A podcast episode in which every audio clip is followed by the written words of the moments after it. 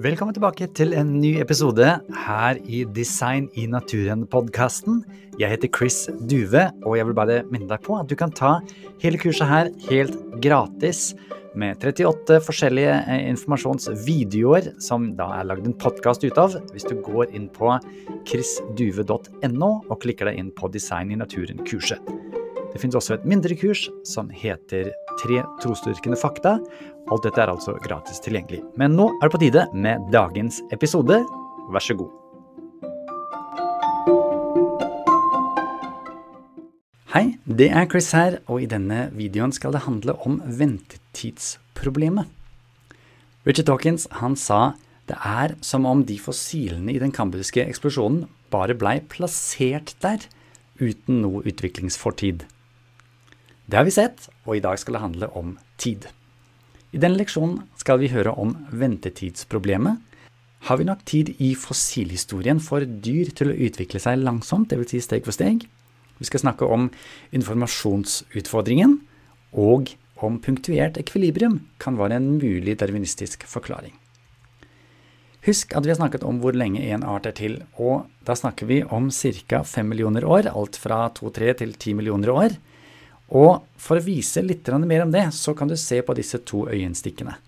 De gikk altså hver sin vei for ca. 12 millioner år siden, og de ser akkurat like ut. Ikke veldig store endringer. Se på spurven. Dette er en trespurv og en husspurv, og de ser omtrent like ut. Det er klart Den ene har litt andre farger, den andre står litt annerledes.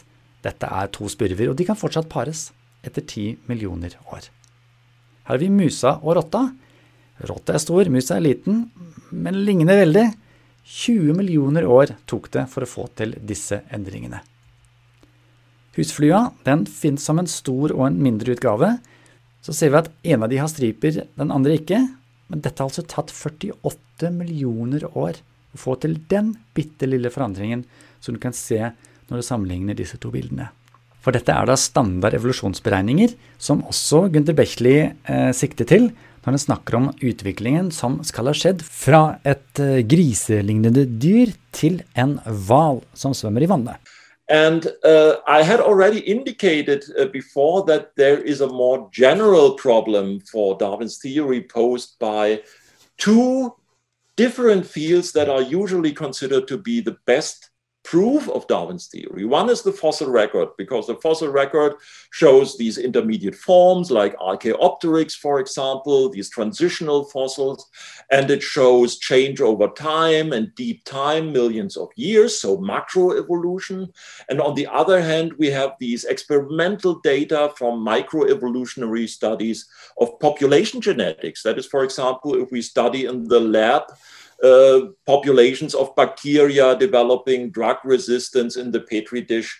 And then the theory is we just multiply a lot of microevolution multiplied with millions of years explains macroevolution. But the problem is if we take both fields really together and we accept all the mainstream science and we look at what time frames are established by the fossil record for major transitions, say, for example, in whales, for the transition from a pig-like ancestor like Pachycetus to the first already dolphin-like marine whales like Dorudon or Basilosaurus. It's only about four, four and a half million years, which is just the lifespan of a single larger vertebrate species to give an estimate how much time do you have available yeah, for did, this? you mentioned in the first lesson it was five million years. Was it not the time for the two birds to be yeah well, almost yeah the same? it, it, basically when you look at modern vertebrates uh, species that are separated for this amount of time maybe birds are distinguished. The one has a little bit lighter stripe uh, above the eye uh, uh or, or has a little bit uh, longer beak, or but they are hardly distinguishable for laymen. They are classified in the same genus as sister species. So no big differences. And that is what we have available in terms of time from a pig-like animal to a dolphin-like animal. And it's not just that this sounds incredible, it's also you can do the math and you can use the second field, population genetics, which gives you a complete mathematical apparatus to do the calculations. Is there sufficient time for the required genetic changes to account for these re engineerings of the body plan for these mutations to arise in a population. You have to get the mutations first and then also these mutations have to spread in the populations to become a character of the whole species. And for these calculations you can just run the numbers with the standard formula of, of population genetics. That's a study that we are currently doing and what we consistently find is that the available windows of time in terms of the fossil record are orders of magnitude too short to account for the genetic changes. And orders of magnitude means at least 10 times too short, but often 100 or 1,000 times too short. Uh, if so you want to get from a pig that, to a whale, I think you yeah that's you crazy. need maybe five a thousand changes at least. Yes. So that's 1,000 yes. times 5 million years. So that's 5 billion years. But, but it's worse. We did the calculation just for two or three coordinated changes that have come together to, let's say, generate a new complex structure. And even there, we arrive at times 10 times longer. But of course, you need hundreds or thousands of changes to account for this. But even the most generous estimates uh, result in totally prohibitive waiting times. Therefore, it's called the waiting time problem. Dette snakket matematikerne om allerede i 1966. Da samlet de seg til en konferanse med folk fra MIT og Harvard og diskuterte kan evolusjon få dette til hvis man ser på tallene. For det du har som redskap, er jo tilfeldige mutasjoner og naturlig utvalg. Du har populasjonsstørrelse, hvor mange dyr, hvor lang tid tar det før de får barn, og da er det bare å regne på det. Og de sa at det matematisk er umulig å få det informasjonsnivået som må til for å utvikle nye livsformer. Nå nevnte Gunther Bechley eh, en artikkel som han holdt på å jobbe med, med Ola Hørscher, som du nå skal få møte. Dr. Ola Hørscher han er professor i Stockholm på universitetet i matematikk. Og han har da lagd et dataprogram der man kan plotte inn ønskede genetiske endringer du kan plotte inn hva slags dyr det er, og hvor lang tid det tar for det dyret å få avkom. Hvor mange dyr det er i den populasjonen. Og så kan du regne ut hvor lang tid den ønskede endringen tar. Dette blei publisert i Journal of Theoretical Biology, som da ikke er noen eh, kristen avis, men et prestisjefullt eh, vitenskapelig journal. Og der snakkes det altså om endring av bruk i genmaterialet, ikke engang om nye gener i den eh, kalkulasjonen som de gjør her, men tre gener som skal endres bitte litt for å se om det kan bli en endring i en organisme. Og hvor lang tid det tar, det kan han få lov til å fortelle om selv. Da venter vi. Hvor lang tid skulle det ta for evolusjonen til vi någonstans i den første sekvensen dök upp seks stykker A som transkriptionsfaktorn vid den genen kjenner igjen. Det skal bildes seks stykker C vid den andra genen som den transkriptionsfaktorn känner igen och det ska bildas sex stycken eh, ten här som transkriptionsfaktorn för den tredje genen känner till. Hur lång tid skulle det ta? Och det är det som vi har räknat på. Och, då skulle, och i det här, även i det här väldigt enkla fallet där vi, det uppstår inga nya gener utan det är bara de gener som redan finns som aktiveras genom att det sker små genetiska förändringar i DNA bredvid genen som reglerar genaktivitet. Även då skulle det ta liksom miljarder år. Och, Miljarder?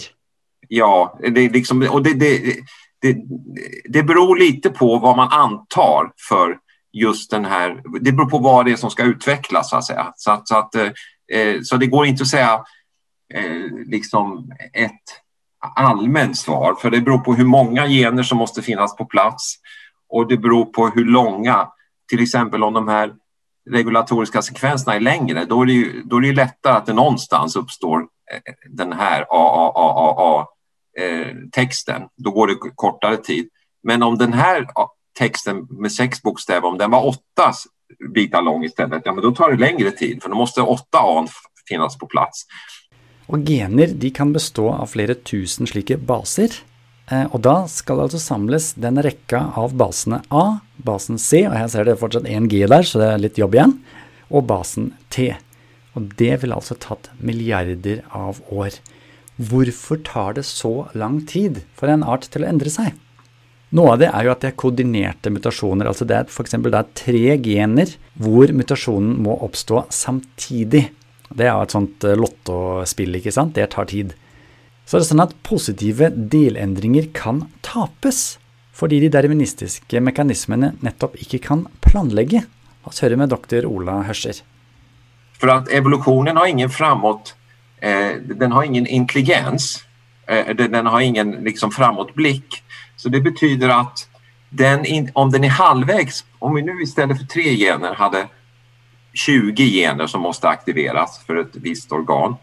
Om, om, om 20 av dem har aktiverats, men, men då, är det, då är det ett halvt utvecklat organ. Det är ett icke-fungerande organ och då, och då kan lika gärna de, de gener som, där de här mutationerna kommer på plats, de kan lika gärna förloras. Så vi kan likna det vid om man slumpmässigt går från Stockholm till Oslo och utan att ha någon GPS som talar om hur man ska gå. Om man har hunnit halvvägs och inte har någon GPS då kan man lika gärna efter ett tag börja gå baklänges och gå tillbaka mot Stockholm och då kommer det ta oerhört mycket längre tid. Och det är samma sak här att har man så mycket som 20 gener som måste liksom aktiveras för ett visst typ av organ då kommer det ta oerhört mycket tid när man tar i beaktande att man även kan förlora det man redan har upp, åstadkommit hittills eftersom man inte är framme vid målet. För det är först när man är framme vid målet att alla 20 gener ska aktiveras som man har ett fungerande organ som ger en selektiv fordel. I tillegg så har vi jo lært av dr. Michael Behe at det stort sett er ødeleggende mutasjoner som skjer. La oss høre med han. Because turns out you can break a gene in a lot of places. That this long line is supposed to be the gene, and this is all the places where it can be broken. Just like you can break your computer by hitting it in a whole lot of places. But if you want to improve it, if you want to improve your computer, there's very few places you can hit it with a hammer and, and improve it. Da er spørsmålet trenger den kambriske eksplosjonen nye gener?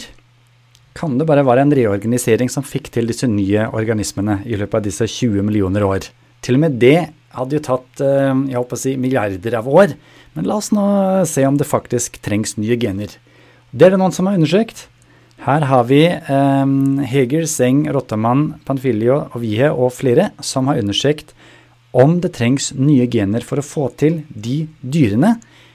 Her skriver de at den kambriske eksplosjonen produserte a full range of body plans, og at de funnet ut at det trengs 157 forskjellige nye gener for å få til dette dyrelivet som oppsto der.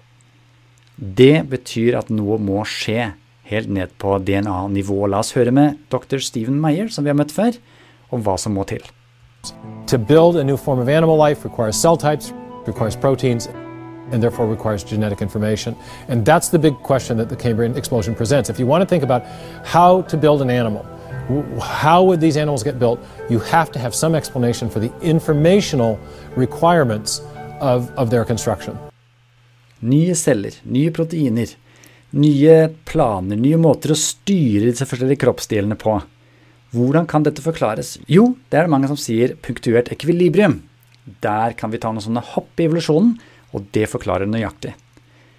Nå er ikke det helt uh, nøyaktig, fordi da Niles Eldridge og Stephen Gold skrev om punktuert ekvilibrium, snakka de om mikroevolusjon.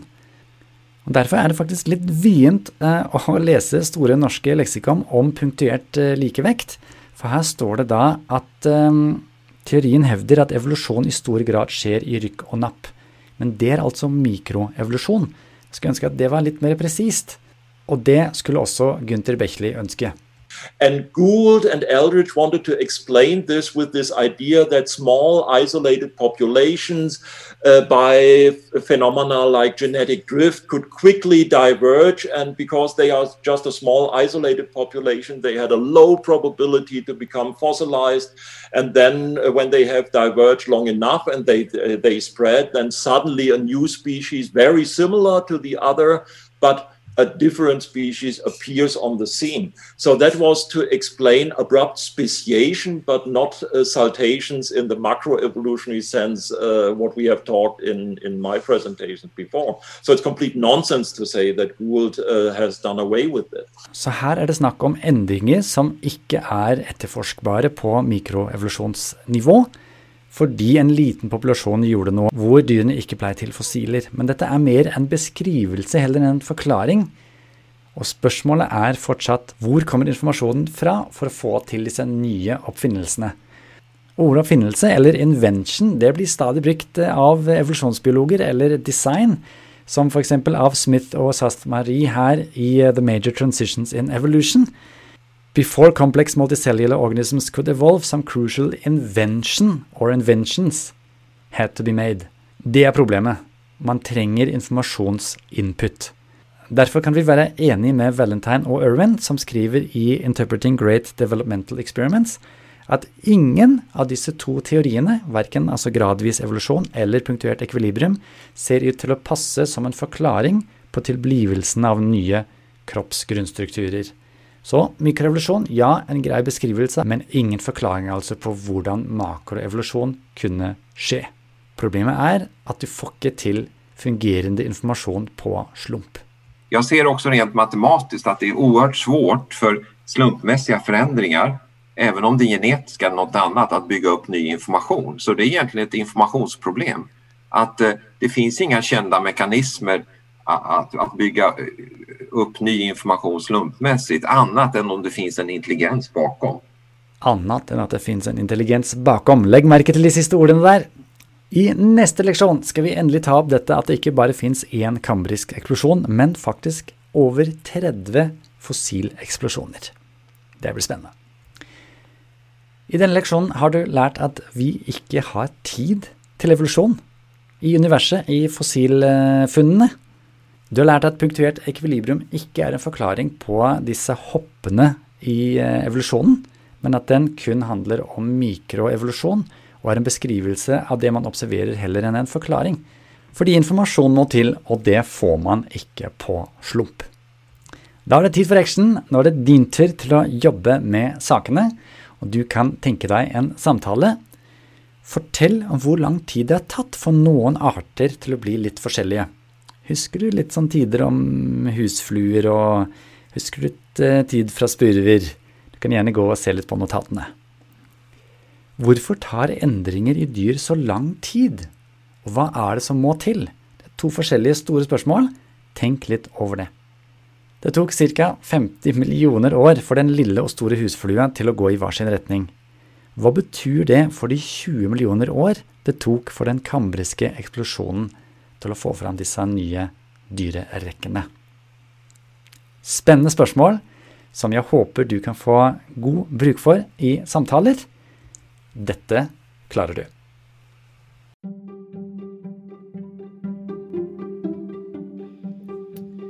Igjen, dersom du ønsker å få tilgang til de hjelpearkene eller oppgavearkene, så er det jo fullt mulig for deg å signe opp til kurset. Da går det an å laste det ned. Hvis du går inn på chrisduve.no, så ser du all informasjonen der. Dersom du ønsker å støtte denne podkasten og annet arbeid som jeg holder på med, kan du også lese mer om det på chrisduve.no. Takk for nå.